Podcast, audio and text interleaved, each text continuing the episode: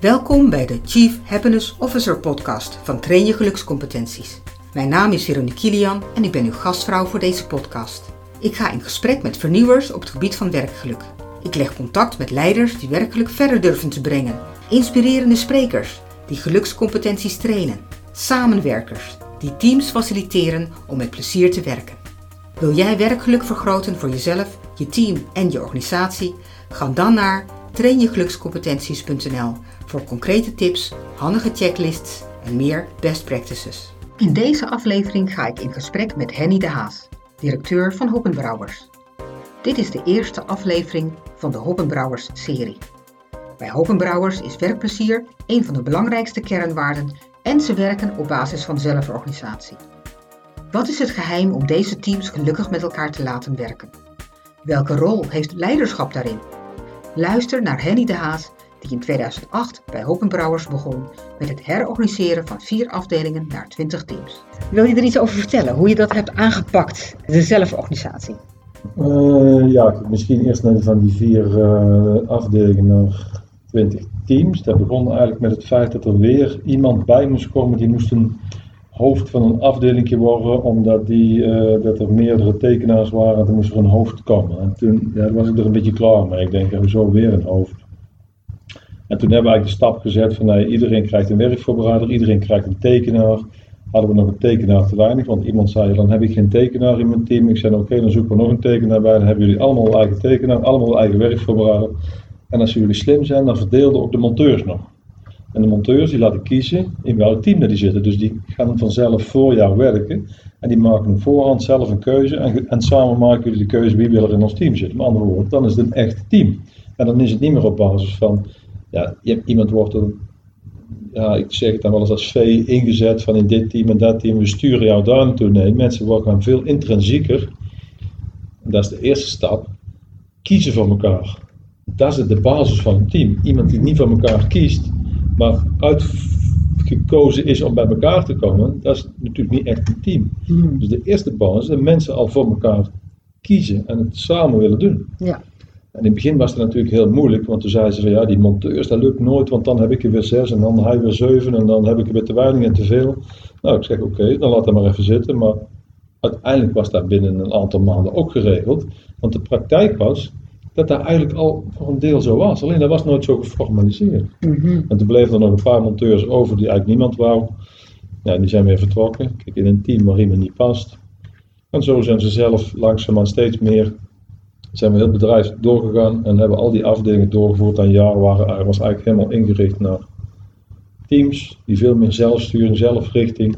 En die projectleider die werd daar de aanvoerder van. Kijk, het verschil tussen en die projectleider is ook het rolmodel. Daar moet iemand zijn die het ook verdiend heeft, die in het vak uh, voorop loopt, die de leiderschapskwaliteiten heeft of die kan ontwikkelen, die de talenten heeft en die in staat is om dat tot een team te smeden. Mhm. Ja, dat is wat uh, ik zelf organisatie noem. Dus dan zijn er heel duidelijke kaders. En er is ook een bepaald soort leiderschap in dat team. Die dat team een beetje naar omhoog brengt. Dat is een beetje wat ik proef. Ja, precies. Maar in dat team, die projectleider, moet ook een bepaalde ambitie hebben. Een droom. Iets wat hij verstaat. Een bepaalde richting wat hij in te werken is. waar mensen eigenlijk zeggen, nou, daar wil ik bij horen. Dat kan in de beveiliging zijn. Dat kan in de service zijn. Dat kan iets van een groot project zijn. En zo kiezen dus mensen, monteurs, werkvoorbereiders ook voor een bepaald team. Zeggen, nou daar wil ik wel bij horen. Mhm. En we zien ook dat als een team bijvoorbeeld verhuist naar een andere vestiging, dat zo'n complete team vertrekt op een paar mensen na, omdat het al echt een team is. Mhm. Dus als die projectleider vestigingsleider wordt, bijvoorbeeld in Breda, dan gaat zo'n hele team mee. Mhm. En die, die zitten dus helemaal niet aan de vestiging gekoppeld, die zijn dus als team verbonden. Niet zozeer aan die leider, maar nog meer aan elkaar. Ja. En dat is de kracht waar niks tegenop kan. Daar kan geen concurrent tegenop. Ja, dat is echt, dat dat is echt een team. Dat is echt een teamsturen. Ja, oké. Kan je iets vertellen over hoe jullie die zelforganisatie hebben doorgevoerd in alle werkprocessen? Ja, kijk, we proberen natuurlijk wel alle processen zoveel mogelijk uniform te maken. Dus het is niet zo dat dat, dat team nog na moet denken hoe moet er een bon aangemaakt worden of hoe maken we een project aan. Kijk, dat doen we allemaal op dezelfde manier, want anders zou dat te vermoeiend zijn. Ja. Dus we trainen mensen in uh, het gebruik van uh, ons softwarepakket, in Synthes, in de manier hoe we een project aanpakken, hoe we bonnen aanmaken. En daar hebben we stafafdelingen omheen zitten die daar zoveel mogelijk bij helpen. Dus in die procedures, in die aanpak. Maar soms, als er bureaucratie is waar zo'n team last van heeft en het schaadt de uh, niet, dan maakt mij ook niet zoveel uit. Dan moet je dat zelf nog organiseren. Maar dat boeit mij niet. Net zo goed als vakantie. Iedereen pakt die vakantie wanneer ze zelf willen. Daar spreken ze maar met elkaar af. Oké. En als het dan een keer niet uitkomt omdat het niet goed gelukt is, ja, dan gaan ze elkaar later wel op aanspreken. Dat doen ze maar één keer, want een keer erop dan uh, is die vakantieplanning geregeld hoor. Dus ja. daarom hebben wij ook hier geen planners. De teams die spreken met elkaar af als ze mensen over hebben, dus we hebben geen centrale planning, daar organiseren ze allemaal zelf. En hoe communiceren ze daarover? Hoe weet je wanneer iemand over is, zal ik maar zeggen? Ze bellen elkaar, ze hebben vaak een eigen netwerk.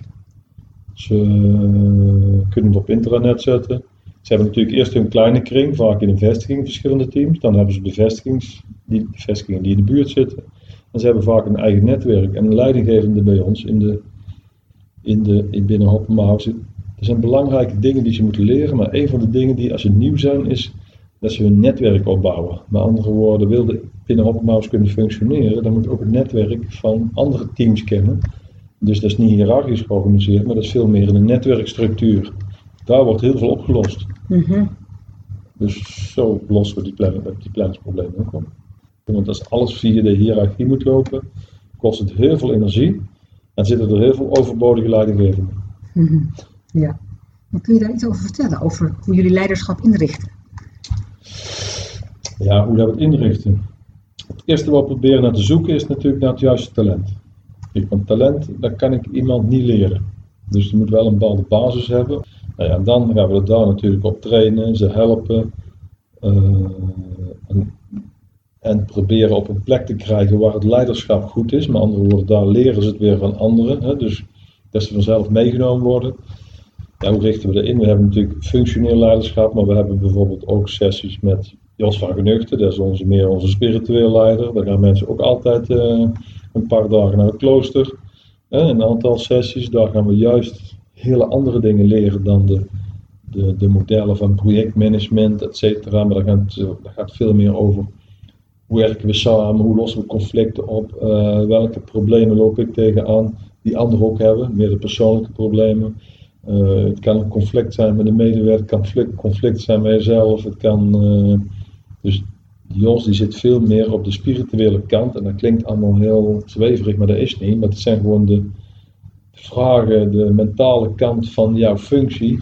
Hoe zit ik er zelf in? Hè? Het gaat over zelfsturing. Mhm. En iemand die moet ja, als eerste leiding kunnen geven aan zichzelf. Mm. Voordat die leiding kan geven aan anderen. Ja. Zo heeft de directie een, vaak een veel meer coachende dan sturende of hiërarchische rol. Hè? Dus die helpen ook mee leidinggevenden zijn eigenlijk hier ook heel vaak helpers. Maar ze zijn enerzijds geven ze richting, maar tegelijkertijd helpen ze mee om de teams de goede richting in te krijgen. Mhm.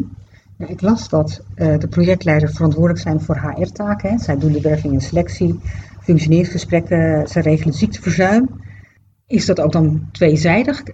In de zin van, hè, als je een functioneringsgesprek voert, dan is dat een hiërarchische die hiërarchie die zit er wel in. Ja. Dat klopt. Die blijft er wel in zitten, maar tegelijkertijd, ja, ik, ik, kan wel zeggen dat er geen hiërarchie in zit, maar die is er natuurlijk. Want die leidinggevende is, dus die moet ook.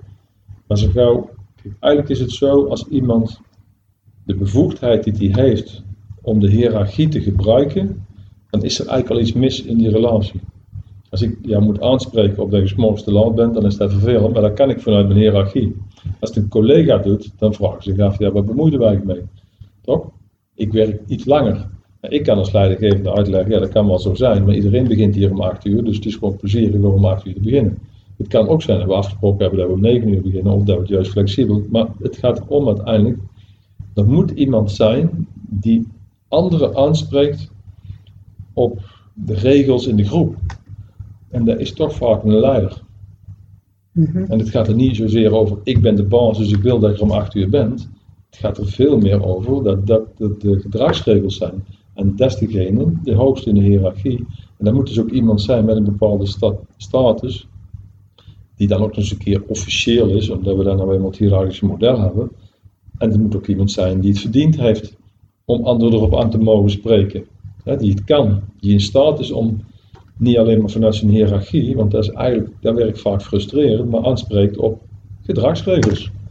Als wij hier allemaal afspreken om acht uur beginnen, mag ik jou erop aanspreken, maar dat doe ik dan namens de groep. Dat doe ik niet omdat ik de baas ben. Hm. En daar zitten wel een essentieel verschil in. Hm. En wij proberen natuurlijk die regels, dat, die moeten binnen Open wel een beetje gelijk zijn, want anders kun je niet samenwerken in een netwerk. Kun je niet, nou, het, is een, het is net als in een democratie. Ja, ja. Het is geen democratisch proces hier, het is wel een beetje democratisch georganiseerd. Maar wil het een echt eenheid vormen, dan moeten er gedragsregels zijn die op elkaar aansluiten.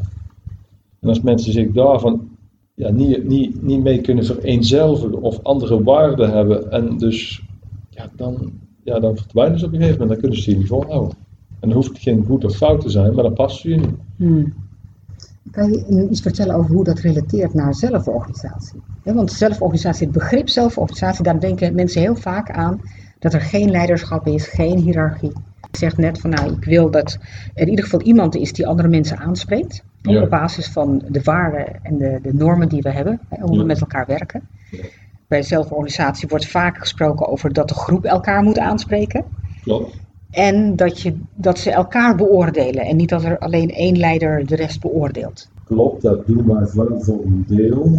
We hebben wel veel uh, beoordeling van de leider, maar niet altijd van iedereen elkaar beoordeelt. Maar dat zit wel redelijk in de cultuur. Ik zou daar nog wel wat verder in willen ontwikkelen, in de elkaar beoordelen. We hebben bijvoorbeeld het Insights model en daar zit al een soort beoordeling van elkaar in. In, in, de, in de dag 2 van de training. Waarbij mensen gaan kijken, oké, waar ben je nou goed in, waar ben je minder goed in en waar hebben we last van. Dus daar die cultuur van openheid. Maar het is wel zo, bijvoorbeeld, ik ben er zelf 15 jaar geleden ook al mee begonnen, of iets, iets korter dat de organisatie mij ging beoordelen. De mhm. leidinggevende. Dus toen heb ik in een 12-daagse training hebben, de laatste halve dag hebben ze volledig aan mij besteed. En daarmee ook een soort voorbeeld gegeven, jongens, als leider moet je eerst jouzelf door de groep laten, beoordelen. Dat wil niet zeggen dat je alles moet doen wat zij van jou willen. Maar dit is wat mijn gedrag met hun doet. En dat was wel het snelste moment uh, voor mij om te leren. Ja, dat kan ik me voorstellen. dat is wel intensief als de hele groep jou beoordeelt. Ja, dat is heel intensief. Sterker nog, daar hebben we hier ook wel eens last van gehad dat iemand daarna eigenlijk volledig uitviel. Zo? Ja. Dat is En dat hij niet in de gaten had dat hij zo ver van de groep afstond. Ja. En dat hem daar zo hard raakte. Ja. Maar ja, dat is dan heel pijnlijk. Ja. ja dan komt dat iemand dan toch net iets te lang doorgaat. Niet beseft en steeds verder van de groep af komt te staan. En toen om die reflectie vroeg, en ze het eigenlijk eerst niet gaven, maar toen die op deze manier georganiseerd werd, dat het wel bikkelhard aankwam. Ja. Zo, je inderdaad eigenlijk. Dus je moet wel karakter hebben. Nou, ja, wauw. Ja. Dus als leider kun je er wel enorm snel mee groeien. Ja, ja. Ik vond het toen ook even een beetje in mijn onderbroek staan, maar ik denk bij mezelf, oké, alles wat hier gezegd is, is uitgangspunt waarheid.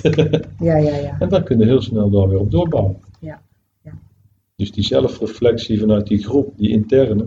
En dan bouwt ook maar respect. Ik kan als ze dan ook iets mee doet, dan gaat het langzaamaan groeien. Hè? Mm Ja, nou, ik kan me wel wat voorstellen dat je eigenlijk een soort van proces of ritueel wil inbouwen. Dat je op tijd bent met het elkaar feedback geven. en wat ook belangrijk is, een, een leider is geen heilig huisje hier. Dus je bent, het is niet zo van, oké, als ik dat bereikt heb, dan kan me niks meer overkomen. Ik moet ook blijven presteren en niet maar in het werk, maar veel meer naar de groep. Want je bent een leider voor de groep. Mm. Dus je bent enerzijds vakman als projectleider of als directeur, maar anderzijds ben je ook verantwoordelijk voor de groep. Toch? Daar mm. ben je leider voor. En als je die positie niet verdient, ja, dan moet je er op een gegeven moment ook weer afscheid van nemen. Ja, oké. En dan weer terug naar die vraag naar zelforganisatie. Want, jullie, want je beschrijft dus de leider, hè, die heeft hier echt een bepaalde taak in. Mhm. In het, ik zou bijna zeggen, het bewaken van de spelregels. Hij heeft dat is het ene kant. Aan de andere kant is, moet hij ook een bepaalde ambitie hebben waar mensen bij aan willen sluiten. En dat is ook een deel van die zelforganisatie natuurlijk. Hè. Mensen willen, moeten erbij willen horen. En dat erbij horen is natuurlijk bij van waar wil ik als team, waar willen we als team, waar wil ik mijn plan. Dus we, daarom willen we ook hebben dat mensen plannen maken, dat ze doelen stellen Mhm. en dat mensen daarin mee willen. En die zelforganisatie is ook dat een team dan samen met personeelszaken medewerkers aanneemt om het team weer te laten groeien. En ja, kijk, we merken gewoon dat als iemand niet in het team past, ja, dan wordt hij er vanzelf uitgewipt. Het is ook zo, als het een slechte projectleider is, dan verdwijnt zijn team ook. Ja. Dat is gewoon, ja, dat is ook wel, daar hebben we al genoeg bewijs van. Dan, dan lukt het hem niet om mensen te vinden en ze te houden. Ja. Goede leiders, die bouwen heel snel een team op. Die lukt het om resultaten te boeken, om klanten tevreden te maken, om eh, hoge medewerkerstevredenheid. hè, we hebben het over werk gelukt, maar ja, we hebben een medewerkerstevredenheidsmeting elk jaar. Met een echte goede leidinggevenden, die halen hoge punten in vergelijking met de mindere goden. En dan zie daar kun eh, het, het werkgeluk, de medewerkerstevredenheidsonderzoek, het niveau daarvan hangt direct samen met klanttevredenheid, met rendement, met groei, met alles. Ja. Dus degene die het team weet te motiveren, alhoewel motiveren lukt niet, je kunt vaak medewerkers alleen maar demotiveren, maar je kunt wel het team intrinsiek gemotiveerd krijgen. Als dat lukt, ja, dan kan het team eigenlijk alles aan. Maar dan is het ook een echt team. Ja. En dan, is, dan wordt er met respect, met, eh, ja, wordt er met elkaar samengewerkt. Er is waardering voor elkaars kwaliteiten. Zwaktes van elkaar, die worden niet benadrukt, maar juist ingevuld door anderen. En dan is het gewoon ja, een goed team. Want wat gebeurt er met de leiders die het niet redden? In eerste instantie gaan ze toch zichzelf opruimen. Want ze presteren niet, teams lopen leeg. Het kan zijn dat iemand het een paar jaar probeert en weer terugzakt de organisatie in. Dat is geen schande, want het is geen makkelijke rol. Want soms kunnen we zeggen zelforganisatie, dan is alles makkelijk. Nou, dan maakt het helemaal niet makkelijk, dan maakt het juist moeilijk. Ja, ja. Het kan zijn dat iemand verdwijnt. Het kan soms zijn dat iemand dus zelf ontslag neemt. Het kan zijn dat iemand ontslagen wordt incidenteel. Maar meestal voelt iemand het zelf wel aan. Dus op een gegeven moment komen die keuzes vanzelf wel. Eh, dus wij geven ze ook ruim de tijd. Alleen ja, op een gegeven moment als iemand het zelf niet inziet, ja, dan moeten we wel eens hulp, eh, moeten ze wel eens even helpen. Een gesprek is soms nodig om iemand te laten groeien. Confronteren, helderheid, reflectie, zelfreflectie, dat is nodig om iemand te laten groeien een voetbalteam eh, Nederlands eh, iemand komt ook niet als, als voetballer of als wielrenner op, op het podium te staan door toeval of door talent. Nee, dat is hard werken en dat is dit ook. Een goede leider moet hard werken om zijn positie eh, te verdienen. Nou, je zei inderdaad, hè, zelforganisatie lijkt moeilijk soms. Wat, wat vind je er moeilijk aan? Dat ik soms wel eens oneindig moet zoeken welke knop dat ik moet draaien. Denk, hoe krijg ik het hier nou voor elkaar? Hè? Het is niet, het is, ja, misschien in traditionele organisatie is het ontslaan van de leider, maar dat is het niet. Soms zit daar gewoon een goede leider, maar zijn de omstandigheden niet helemaal goed. Of eh, heeft hij net de verkeerde mensen en lukt het hem niet meteen. Dus dan moet hem eigenlijk helpen om, om zijn team op orde te krijgen. En als je daar eenmaal snapt hoe dat in elkaar zit, dus het moeilijkste is om mensen het inzicht te geven die het niet helemaal begrijpen, dat ze zelf dat inzicht krijgen, dat ze zien van, oh, ik moet geduld hebben, ik moet, eh, die medewerker moet misschien afscheid van nemen, die moet meer coachen.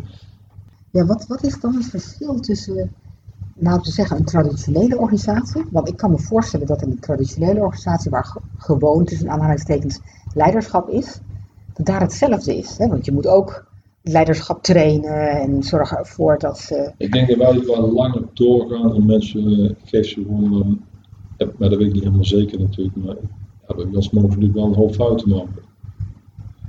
Maar we moeten er wel vertrouwen in hebben dat het de goede richting gaat. Kijk, en een team opbouwen kost nou eenmaal tijd.